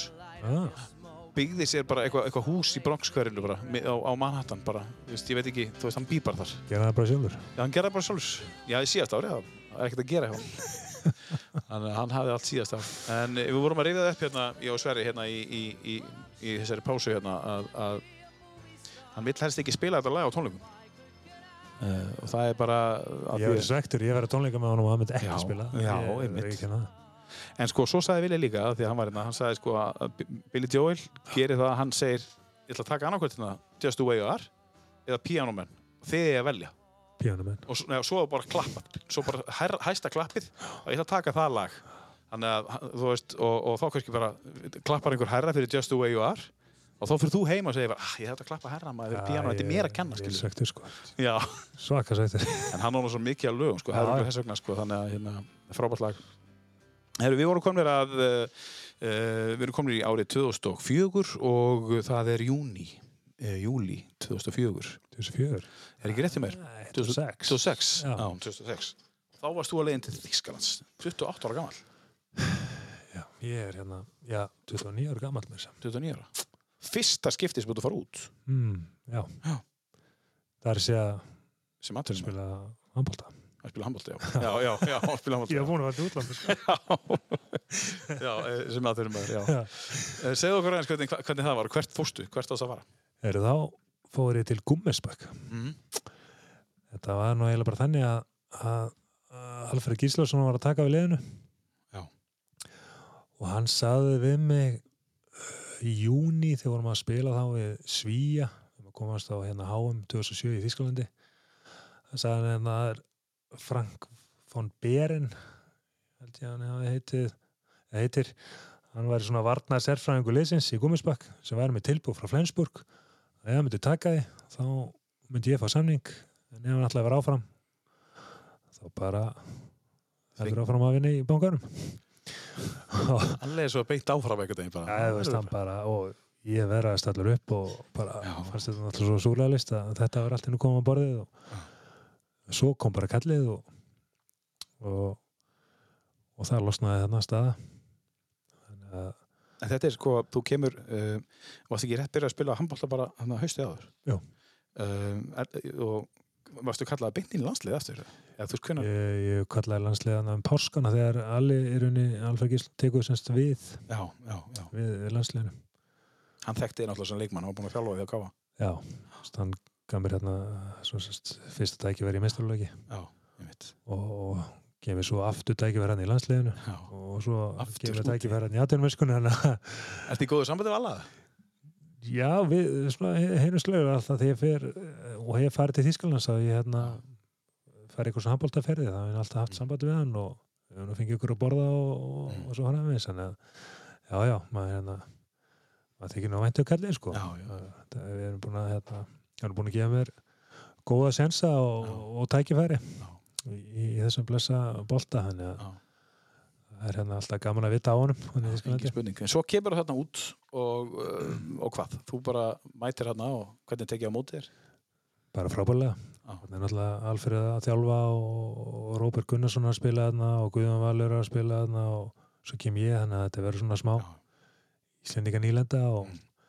og það var bara allt eh, þú veist, stórt ævintýri en eins og það er kannski sem háði mér svona til að byrja með að ég er náttúrulega ekki búin að taka þátt í svona undirbúnust tímabili alvöru í svo mörg ár að ég eiginlega rakst svolítið á þennan fræga vegg Já, hvernig þá? Bara, Já, bara ég hérna fikk alls konar svona smá meðslið til að byrja með. Já, Fyrsti mánuður gekk rosalega vel og held að þetta er nú ekki mikið mál. Eða, skilur þannig. Mhm. En Svo fór líka með þess að gefa eftir Já. og að enda með að ég, ég spila þarna fyrstu fimm leikina finn svo eftir fymta leika að gerist eitthvað í fætinu sko og ég sleiti ykkur liðbönd og þurfti aðgerð og, og var fara á alveg í þrjá mánuði Já. en svo bara ekkert eftir það Nei, bara ekkert meitu þessu. Nei, það veist, eitthvað svona, jú, Já, smottar en ég ekki, misti eiginlega ekki neinu leikjum eftir það út af ykkur meðslum í, Já. öll þau ár sem ég var að núti sko. en ég tók þetta út strax Hver skarði upp? Einhver íslendingur? nei, það var hérna það var hérna sérfræðingur í Já, já. hann hefur gert gott. ég sá sem hérna læknirinn, liðslæknirinn sem var síðan látið fara þegar Nú, sem var ekkert óvænt, hann var alltaf að greina að flesta leikmenn eitthvað ramt sko ok. hann sagði við mig sko ég sprauti þetta bara þetta verður allt í lægi og ég spilaði eins og segi fimm leiki og ég fann að þetta var nú alltaf vestna og vestna og svo náttúrulega bara sleiti þessi liðbönd og ég fyrir eitthvað tjekk og, og niðurstaðan hann segi já þetta er sliti en við setjum núna bara í gifs þrjár ykkur og þetta ætti að vera fínt eftir það svo þrjár ykkur náttúrulega bara gerst ekkert sko Nei, nema það að þú varst í gifsi og gæst ekki Já. gert neitt. þrjár vikur sko og svo fór ég aftur í eitthvað tjekk og svo sem Jesus. hérna uh, komið niðurstöðan að hann betur akkur varst ég að lýsa gifsi og ég útskýri það hann hló bara að mér og, og sagði "Þe- þetta er náttúrulega bara brandari sko Já, já. Þannig að ég var sendur til annars lagnis og, og það var þessi í köll já. hann var gríðilega fær Þú voru heppinn þar. já ég bara veist að hann lítið ekki, ég fór ekki til hann strax sko Já, einmitt, akkurat. Ma, já, já, maður, maður þarf alltaf að brenna sig einhver staðar á. já já Um, uh, síðan, uh, hvað ertu lengi í Gúmisbakk? ég er bara tvö ár Já, svo fer eitthvað annað.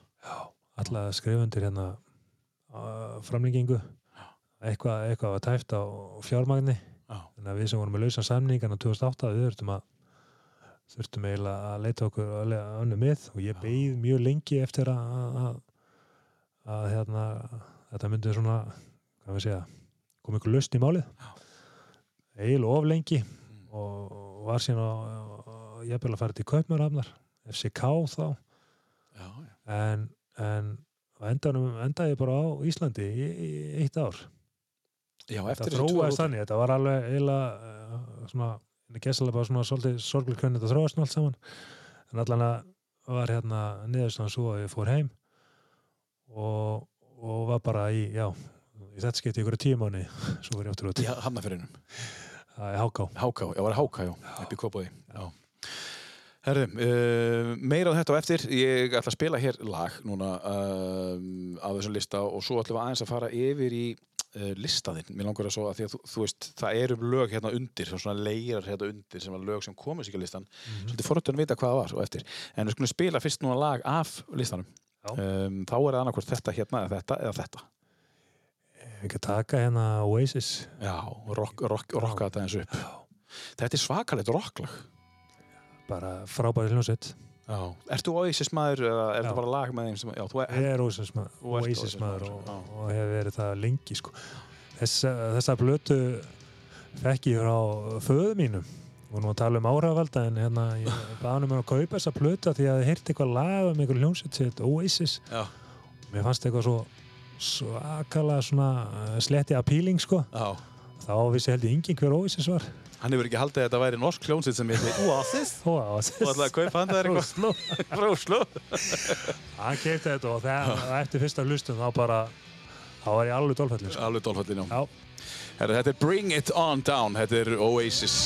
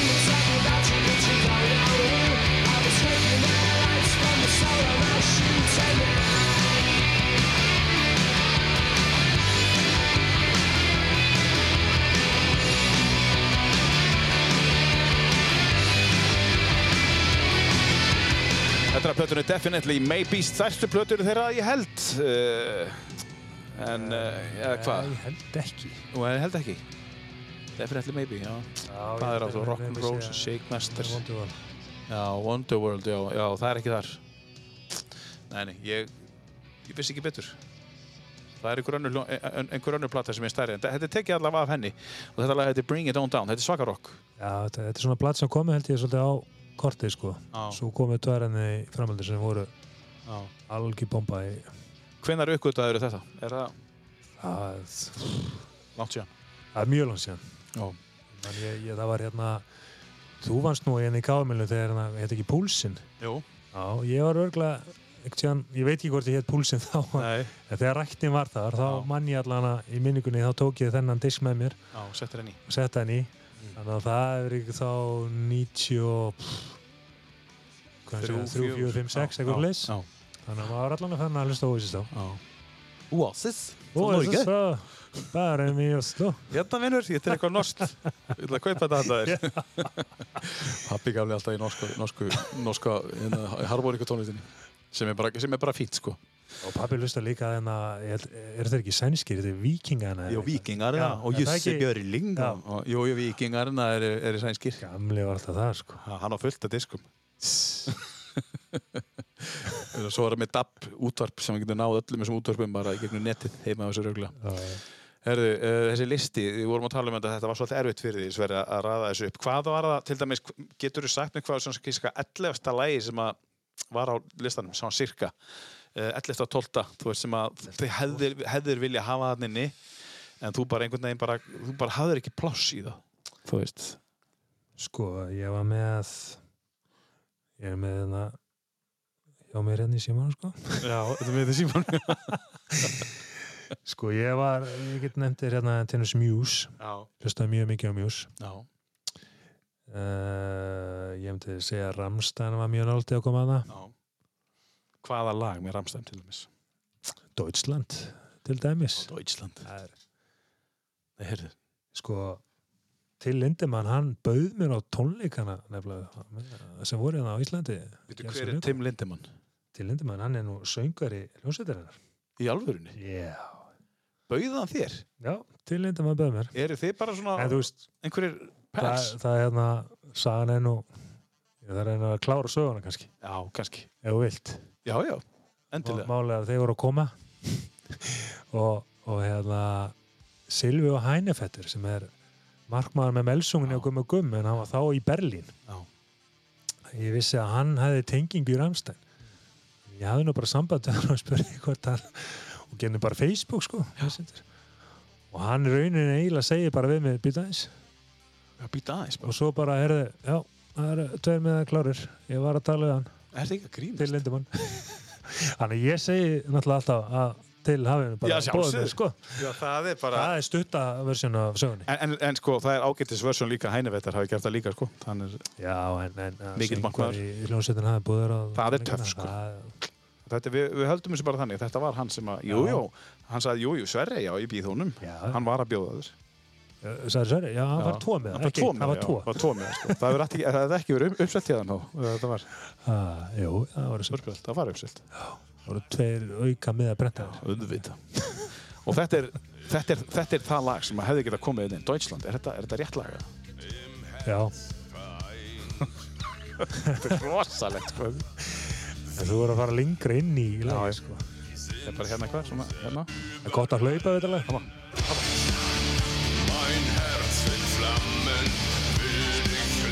Þá vorum að rifja upp líka hérna áðan þegar við vorum að tala um hérna, þú, þú, átt fyrir í Þýskalandi, þú spila nú aldrei fyrir þjóðvera en sko þjóðsöngur þeirra það er svo stórkostlegur sko. Deutschland, Deutschland, Uber alles. Sko Uber alles, er það ekki rétt bara yfir aðra hafin eða betri en allir aðrir? Eða, eða hvernig er, hvað er Uber alles? Hvað þeir tólka þetta í svo lægi sko, það er bara út um allt sko, Já, út um Út allt, alles, sko, já. en Uber alles. Deutschland, já, já, það er eru þetta er- fín þjóð Var þeir bóðið að spila einhvern tíðan fyrir Þýska landslið? Var mér? Já. Nei, Nei, það var bara Nei, þeir eru ekki verið hvað bóðið ættum við að gera það? Nei, bara, þú veist, bara góður í handbólta, þekktur hérna úti og bara, herri, við skulum reyna að ná honum yfir og, og gefa honum hérna statsborgiship. Ætli, ætli að vera ekki fleiri en þúsund þjóður að þekka þig svo var allan að spila þjóðlandsliður Já, kannski.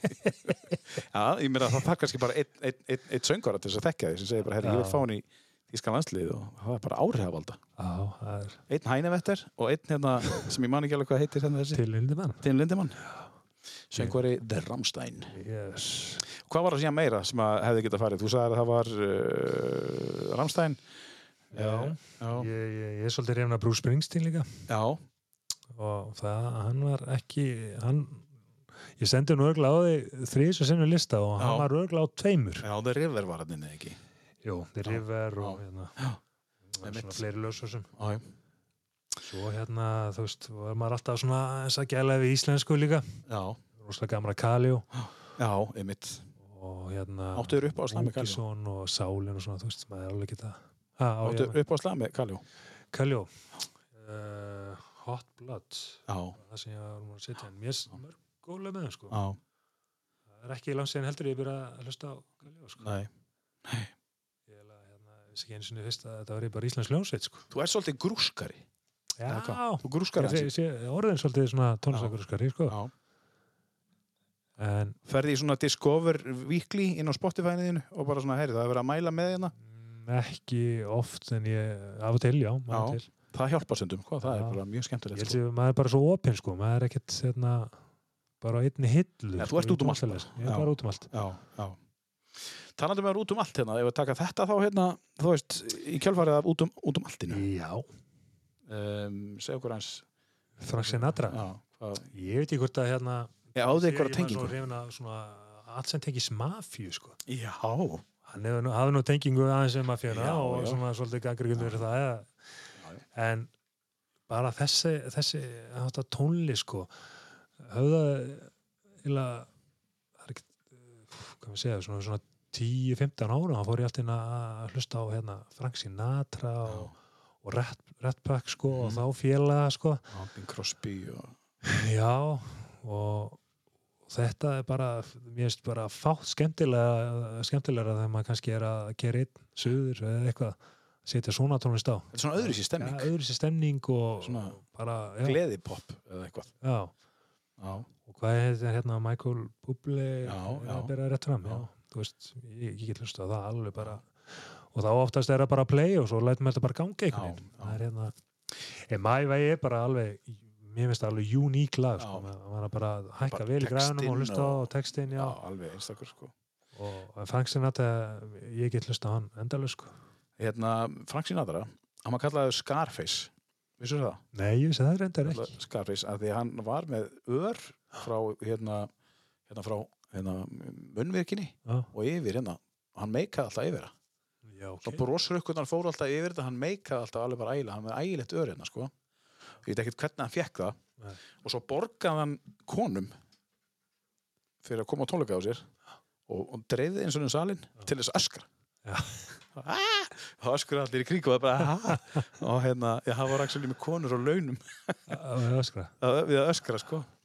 Uh, ekki kallt menna því að þú veist, einhvern veginn virkaði það ekki þá að það var eitthvað kallt menna að öskra en hann, hann vildi hafa konur það er nú bara þannig. Við verðum að leifa þessu aðeins að, aðeins að líða hérna, þetta er gríðalega fallett. Já, þetta Þetta er Frank Sinatra af tíulega listan og Sverri. The end is near, and so I face the final curtain. My friend, I'll say it clear, I'll state my case, of which I'm certain. I've lived a life that's full. I traveled each and every highway and more, much more than this. I did it my way. Regrets, I've had a few, but then again, too few to mention. I did what I had to do and saw it through without exemption. I planned each charted course, each careful step along the byway, and more, much more than this, I did it my way. Yes, there were times I'm sure you bit off more than I could chew. But through it all, Heyrim hér í um, engum öðrum en Frank Sinatra uh, lagið My Way Er ekki hann sungið þetta lag? Nei, Þú er ekki gjössum fræða frá karaoke og nei, ekki þetta lag Nei. Veistu hvað lag ég syng alltaf yfir í karaoke? hvað er það? Ég syng alltaf Ice Ice Baby með hérna, honum, hérna Vanilla Ice er næs. Já. Á, án texta Bara, þá er ég mikið, ég er búinn að hlusta mjög mikið á það en það er annar mál uh, Hefur þú sungið My Way á í Karaoke? karaoke? Nei. Síðasta lagi sem ég söngi í karaoke var með Ramstein. Du hast. Hvernig syngum maður Du hast með kara, í karaoke? Du hast Du Nei, maður bara syngur þetta eins og eins og hann í syngur. Það er ekki flókin texti Nei í þessu lagi og þess vegna tók ég það. Segir hann du hast nicht eða eða du hast nicht þú átt ekki eða, eða ert ekki hvað, hvað er hann að syngjum veistu það? Nei, Ekki pælti. giftir engum máli Mátt spyrja með þessu fyrir þátt sem ég geta undirbúið mig. Já, nei, það er ekkert skemmtilegt Já, ok. Má ég þá að googla þetta? Já, glungum þetta bara Ég man allt í einu hérna. Herðu við um tvö lög eftir Sverri, hérna, uh, af, af listanum og við hérna um, áður við fyrir mig í næsta lag þá langum við að vita svona hvað gerist í kjölfarið eftir að þú komst heim og spilaði með HK þú fer aftur út Já. og ekki til sama félags Nei, þá fyrir Grossvallstadt. Grossvaldstad, þú varst þar hangtur og komst heim Já. Já, hvað voru það mörg ár? Það voru fimm ár. Og hvernig var dölinn þar? Frábær. Já, Sko, uh, það, sko, var rosalega gott í Gúmisbakk. En ég maður þegar við vorum að flytja út til þá hugsaðum við getum ekki búið þetta sama við, við meðum ekki, við erum ekkert samanbyrð við Gúmisbakk, þetta verður aldrei eins. Við erum aldrei í sömu svona þæginda rammanum eða munum örgulega ekki við erum í sömu tengingar mm. en það var eiginlega bara dölum var bara, bara já, hún var betri. Já Miklu, miklu að hvað betri. leiti þá? bara kynntu svo ótrúlega mikið af fólki og vorum með svo stert tengslanit í bænum.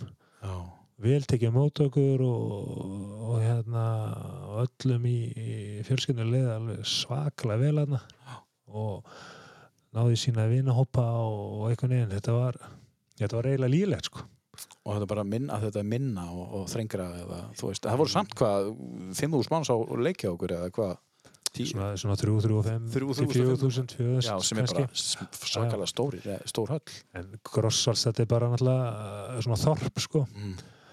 En þú veist það var bara einhvern veginn umhverfið var rosa stert og, og nágrannin alveg frábæri til dæmis. Já. og hérna þetta var eiginlega bara alltaf opið á milli og, og stundum Já. komaði heim og bara er, ég ætla að fara, ég ætla borða bara kvöldmatt með. Já, svoleiðis. Með Missi sem bjóði hann fyrir ofan. Já. og þá fór kona hans niður og borðaði með Já, það minni fjölskyldu og, og já, þetta var rosa. Og, og svo þú veist hérna ská á móti það voru eldri hjón og þau voru alltaf að býða svona eftir svona fyrsta barnabanni þannig að þau svona eiginlega spurðu hvort að þau mætti ekki vera svona amm og afi. Já, krakkana svona frá Þískalandi við höfum alltaf sunnutum í brönns og Já, leika og eitthvað svona og svo var pattfórstan hinni með við okkur og, og Bara- svona bara held þetta í láfara í bænum og við eignast vini bæði tengt handbóltanum og ekki tengt handbóltanum en við fórum hann í sumafrí með vinahólki í þýskum hjónum og, mm. Og já, þetta var hérna sumafrí og bara, þú veist, alls konar svona þú veist, það er svo oft svo mikilvægt þú ert komin svona út að allir allir finni ykkur tengingu við ykkur já, og hérna ekki bara krakkandi heldur konan og, og þú sjálfur Algjörlega. líka svona eins þannig að upplifinu verður þá sterkari Er, er ekki alltaf pínu svona hræðsla þegar maður, nú þekki ég þetta ekki uh, eins og hjá þér, þegar þú ert með börn og, og, og konu og fjölskyldu að, að það fari allt og mikið að snúast bara um þig þetta Já. er sko, þú veist. Að þegar það tekið svona vel á móti ykkur þú veist, þá svona einhvern veginn svona þungu fargi af þeir rétt bara, alls. Alveg bara geðvikt Já, þess vegna eiginlega fórum við heldur aldrei. Við Nei. áttum alveg voru reyndar einu sinni nálætti að fara aftur til Alfreðs. Já, gúmusbakk, aftur? Nei, þá var, hérna, Nei, þá var hann nú í Kíl. Já, kíl, já, já, einmitt. Þá var, var sama sagan sko. Þá var annar þá var maður númer töruðinni en þetta skiptið þá tókst það ekki. Nei, þá það var, var já, eina skipt sem við hugsaðum um að, að skipta. Hefður við farið? Já, þú hefur farið alltaf, já. Við eiginlega og mér svo konum við segja við, þú, þú ser ekki nei við Kíl sko. Nei, og, nei, en ég var bæði svona svolítið svektur náttúrulega, hann hafði ekki en samt einhvern veginn að því að öllum leið nú svo vel að þessum vorum þá, þá var þetta ekkert eins mikið svekkilsi skilur en gæti allir ekki sett í fyrsta setið Nei, hann, hann kom bara heiðarlega fram það sagði Já. tvö og það var eitt sem heit Kúpis sem hérna nú- var númer eitt að það, var þá að spila lengu og kom. Það gekk upp hans megin. En það, hvað voruð þið búin að vera lengi þá í, í gúmusbakk? það vorum í það segir? Maður ekki hvort það var tvö eða þrjú ár. Já, það áttuðu alveg eftir tvö eða þrjú ár. Já, já, Já, eftir það. Það er svolítið gaman. En var erfitt að fara heim frá, frá þessu? Já, Já, að að við, það var ekkert endilega eh, sko einan gæslega bara plana sko því að við höfum alveg möguleika og ég, að ég ætla eða sérst, mér bauðst að, að- að vinna fyrir klubbin sko. Já, svona sportdirektor eins og það kallast. já, spennandi. Eða þá að hérna, fara að starfa eitthvað hérna, tengt því sem hann var nú búin að læra. Já, og það var alveg inn í myndinni og, og við horfðum lengi á þann möguleika sko. já, þá var það svolítið svona spurning um hversu lengi á maður að vera maður að, Já. að vera bara þjóðveri eða, og þá var ákveða hérna að lokum að og svo voru líka meira þess að ákveðin tæki verið í þjálfun en, já. en uh, maður hendi því síðan bara frá sér. Mm. og þá var að fara hérna Kópóin Já, sem var tilbúin svo allt í einu bara viku nánast ára en endalega ákveðin átt að tekja þá bara að koma akureynin í myndina og við Já. ákveðum að flytja til akureyri og prófa það. Já. Kom aftur heim.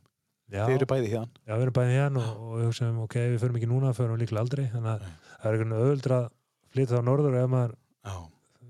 við teljum að þetta sé ekki það sem hendar okkur. Mm og er öðuldra að flytja söður en Já. ef maður fer söður þá kannski reynum aldrei að fara aftur norður. Við einhvern veginn hugsaum það þannig. Og þið eru aldrei á leiðinu held ekki, aldrei sé aldrei það er allan ekki Hvað líður vel hér? Okkur líður mjög vel hérna. Og eru þið búin að fara eitthvað til hérna Þýsklands og hitta að vinna ykkar eftir að þið kom heim? Eftir sambandi eitthvað svo les? Já, við erum með sambandi og, og hérna konan er í góð sambandi við nokkrar vinkonur. Uh, ég farið þetta í tvær ferðir. Já, og önnu ferðin þá fór ég í rauninni fór ég heimsækja Guðavall Já. fyrst og svo fór ég í hérna, Grossastad og er henni já, fór heimsækja alla sem ég kynntist þar svo er ég í Gummisbakk já, og enda svo í Final Four í Köln. Já, þetta, þetta var alltaf bara draumaferð sko. Alltaf reymaferði, já, þannig að það er rosa gaman og, og, maður er svona í smá sambandi en þetta auðvitað þú veist fjara hans undan þessu hverju árinu en, eðlilega. en þegar maður myndi mæta á svæði þá, þá er það Bara eins og verið gaman og, og það var eins og bara í gerð já. En þú varst fyrirlið þarna. já, já, fyrirlið í þrjú ár Já. Það er, það er frábært verkefni að ekki vera fyrirlið í svona liði. Jú, þetta var eiginlega svolítið sérstaklega því Grossastad er svolítið svona þýslið það er ekki Já. mikið af erlendum Nei. leikmönnum og var þannig þannig að ég þjálfur nóska eftir því að ég myndi taka þetta að mér þá þurfti maður eiginlega aðeins að hugsa sig um en, en, en var bara frábær og mikill heiður og, Þú- og þú var skemmtilegt verkefni Og þú talar þýskon alveg. í, Já, já, Já. ég, ég tala hann alveg en, en ég get kannski ekki fara í djúft í uh, ákveðum álefni þú veist Nei. eins og hagfræði eða eitthvað sliðis en, en, en ég get uh, talað nánast um allt og, Já. og finnst, uh, finnst rosalega gaman að, að hérna, hlusta á þýskuna og fá að nota hana og, og horfa bara á sjónvarpi stundum. Þá er þessi eitthvað hundleðilegt þá bara að heyra, heyra þýska tungumáli sko. Og horfa á Das Boot, það er frábæð þetta. já, reyndar. Hún er reyndar á ennsku, að þetta er kannski sko, líka. Já, þetta er sko Við erum með tvölu eftir hérna. Uh, Það er uh, Við ætlum að taka þetta og svo ætlum við að enda upp á slæðinu Þetta lag. Þessi gæi Neil Young, Já. það er eit- eitthvað við Neil Young sko. hvað er það við Neil Young sem að þú veist, nú er ég, nú er ég bara forvitin sko. Ég veit ekki, ef maður vissi það þá kannski Já. væri ekki þessi sjálf með hún. Nei, Það er bara, þú veist, þetta er hérna, já, þetta er uh, síðasta leið tengis svolítið honum. Já, t- tökum þá eftir Já, leiðum þess aðeins að líða og svo ætlum við að fara yfir í síðasta lagið hér eftir og það er tenging á milli þessa lags og uppáðslagsins hans Sverre people sleep.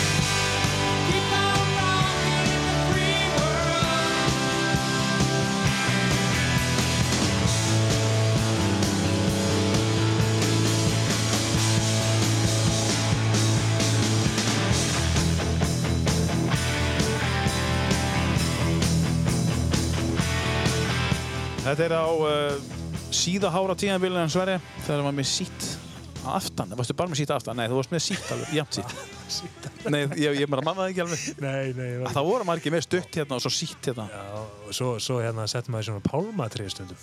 Já, Vistu því? nei Já, já, Heitir maður allt, allt upp, tré og svo bjóti svona góðspurinn. Ég held að við höfum kallað pálmatrið. pálmatri, já þú varstu í handbóltanum, varstu á með sítt ár Það er svolítið erfitt. Uh, til að byrja með svo það var ekki dvoðalega mikið svona tólanisveri held ég síðu ári ef maður fór hérna í mesturlökin sko. Ekki eins og Bjarki og, og Mikkel? Nei, ég, ég man eitthvað sagði skil bara ekki að gömur, er ekki búin að segja hann að kleipa sig. Eitthvað sem hann hefði gert það. Já, hann hefði sagt það. 10-15 árum.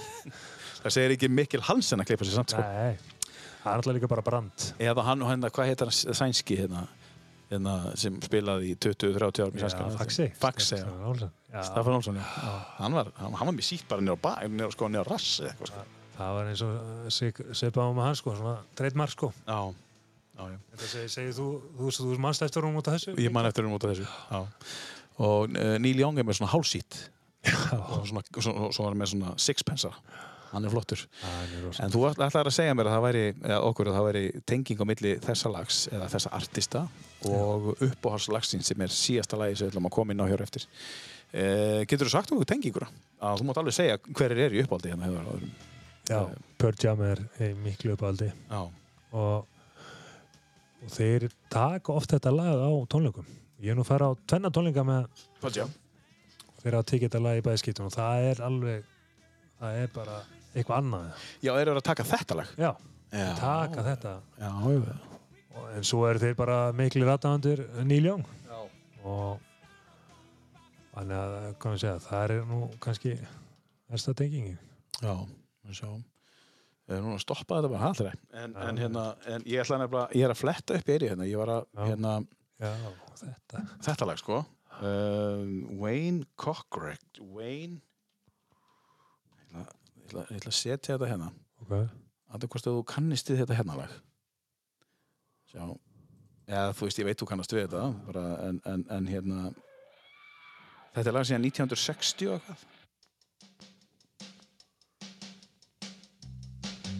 Og kveikir þetta smá stund, sko. Ok. Well, where, oh, where can my baby be? the Lord took her away from me. Þetta lag með Pearl Jam, so þess Les Kiss þegar Pearl Jam tók þetta, það er þess lægið svolítið magnað að lesa þetta því ég, þú veist, maður fer inn í svona useless information þú veist, þú ert að koma, þú veist bara, hvað veit ég ekki um Pearl Jam, hvað veit ég ekki um þennan? Uh, og ég gerði það í dag og ég komst að því að þetta lag með Pearl Jam uh, Last Kiss væri lægið sem að fór hraðast upp listana og lendi í öðru sæti. En það var ekkert lag að Pearl Jam færi svona hratt upp eins og Last Kiss ok. sérst útgáfan af því lagi Ég hef aldrei verið hrifin að því leið. Nei, Nei, en það var einhver svona Christmas útgáfa eða eitthvað svona tónleika sem ég heldur fyrir eitthvað svona Já. lokaðan hóp og það var bara allt vittlust og, og, og, og hérna, það, þetta lag með Pearl Jam fór Já. bara en, en það er ekki hálfkvist við uppáðslagi þitt það er Nei. ljóst sko Ég fór tó- með tónleika með þeim 2004 Já, og þá mæti ég hérna í höllina Já. fyrir ekki að snemma þá kemur Reddi Vettir með kassagítarinn og tekur þrjú lög. Já bara á undan. Já. Já, og svo bara segja hann herru, skemmt ykkur vel og bara takk fyrir. Og svo fór hann og, svo kom uppötunarböndin og svo voru tónleikarnir sko. Hann er náttúrulega bara alveg einstakur sko. það var alveg ég manni við félag við erum búin ekkert hérna að horfa á tónleika. Já. og þá gerði hann þetta líka. Eh, fannst, og fannst þetta svo geggjað. Svo bara upplöfum hann þetta hana 2004 já Boston, Massachusetts. Það er geggjað. Svo sástu þú líka í Úslu Já. Já. Var pappið með þá? Nei. Það er ekki með þá. Nei. En uh, þetta er lagið sem sagt. Laskis kom út 1999 mm maður er alltaf haldið að þetta væri bara. Hlustar Eddie Vedder bara solo? Já. já. Fílar hann? Ég, ég fíla bara þetta við þetta missis í rödd bara alveg já, eitthvað sem að segja eins og ég segja hana eitthvað annað sko. Já þegar þessi plata kom út 1991 náðu þeir bara alveg strax. Já, já, þetta var hérna partí hjá Tómasi það ekki nú hann, Já. Tómas já, að ég held að Willi Naglbítur hafi með mitt komið með þennan disk í partíð já, og sett hann á og þá hugsaði með mér hvað er þetta? Og ekki, þú veist, neikvægt, þetta er bara, vá, já bara wow. bara selt fór og keipti þetta strax þarna á mándeginum. hljónflugninsdeil Kea Já. og það bara, þá var maður eiginlega bara ástöðingin á þessar hljómsveit, sko. já, Og svo að þegar maður heyrði þetta síðan unplugged, þannig Já. MTV, já, einmitt þá náður manni alveg, sko. já. og við erum að tala um uh, þetta er búið að vera þá uppáðslægið þitt síðan eða þú veist búið að vera já. Ég, Það hefur ekkert lag skákað ekki- þessu. Ekkert að ljúa uh, neinu með það, sko. Nei. Ef ekki bara, bara henda því á. Um, sko, uh, það er, gaman að segja eitt með þetta að uh, hljómsveitin hétt áðurinn héttu hérna Pöldjám, það hétt hún Mookie Blaylock í höfuð á einhverjum hérna já, já, NBA-leikmanni og platan heitir Ten af því að Mookie Blaylock var nummið 10 þeir held eitthvað brjálvarslega mikið upp á hann Já, ok. einhver hluta vegna, hann var frá New Jersey. Að þeir eru náttúrulega, eru ekki frá New York þessi gæðir? Nei, Nei, þeir eru á Seattle maður. Þeir eru frá Seattle Já. og reyndar ekki að þið veitir sko, en hann flytur ánga, býst að fara í hljómsveitin. Hann, ég maður þetta rétt, sko, leiði með Chris Cornell, sko, já, já, tíma. og já, þeir voru þetta- miklu félag, sko, og, og ef þú vilt sjá til þessi mjög hérna, flotta live útgáfur, þá er hann að syngja til hans eftir andlátið og Já, já, það er ótrúlega já, það er ótrúlega svona hvað að segja eh, flott útgáða já, en samt sorgleg svona morðaðinni Og það getur maður fundið á YouTube. Já, hvað finnir maður ekki það? Það finnir maður ekki það, sko. Hér erum við með uppáhaldslægin Sverri, búið að vera gaman að hafa þig Takk fyrir að koma, það er búið að vera meira áttur að rifja upp ferilinn og, og, og allt sem þú er búin að vera dundaðir Fó náttúrulega, þú ert svolítið litaðar á handbóltanum Það er bara eðlilegt. Og maður er forvitan að vita hvað er að gerast hjá þér og þú ert frábæra fjölskyldu og, og, og hvað áttu mörg bönn? Þrjú. Þrjú. Og hvað er þið gömul? Erðu, Arnur Alli, Já, hann er hérna núna að vera 19 ára á þessu ári. Úst. og svo er ég stelpu sem að vera hún er hérna 2008 mótel og svo er aðra stelpu sem er 2011 mótel hérna. Þannig að jú, það er bara líf og fjör þetta er bara uppkomið það Já, þau hafa ekkert gaman handbólta. Þau hafa ekki gaman handbólta Nei, en það er gaman að ég fá að koma hingað til að ræða fótros. Fenguðu ekki bara ógeð Þú ert ekki að setjast niður heima á þeim og bara, herru, nú ætla ég að spila fyrir ykkur tíu uppáðslögi mín Já. og tala um handbólta í einn og hálfan tíma og þið ætla að hlusta Einhvern tíðan mun ég í gennum þetta sko, þetta. En þau hafa bara hérna áhámál á á annar staðar og öðru Já. sviðum og Það er var bara bara flott. fagna því. En hlusta þau og, og til dæmis Pearl Jam Ekki að þá. Uh, Arnór, hann er uh, mikil grúskar líka með, með hérna tónlist Já. og byrjaði að snemma að hlusta blues og svona. Hann er byrjar í blues sé, sé ekki nema hérna, eins og segja að vera 19 árin þá var hann Já. komið mjög lengri í tónlistin en ég var á þessum árum en ég er mjög ánægð með hann Hlustuðu á blues? Eða svona mm, saman ekki saman já, svona- við hefum alveg gert það sko Já. í sama rými? í sama rými Já. En já, ég er nýja eftir að kynna hann fyrir Pearl Jam held ég Sverre Andreas Jakobsson, takk fyrir að koma í tíu bestu. Uh, þið uh, finnið okkur inn á Facebook, tíu bestu, lækið en til að sína okkur, fylgst með hvað er gerast. Þátturinn fyrir bara strax inn hér, strax og eftir. Og þetta er upp á slæðan Sverre af uh, tíu laga listanum hans, tíu bestu, takk fyrir að hlusta. Þetta er Black og Pearl Jam.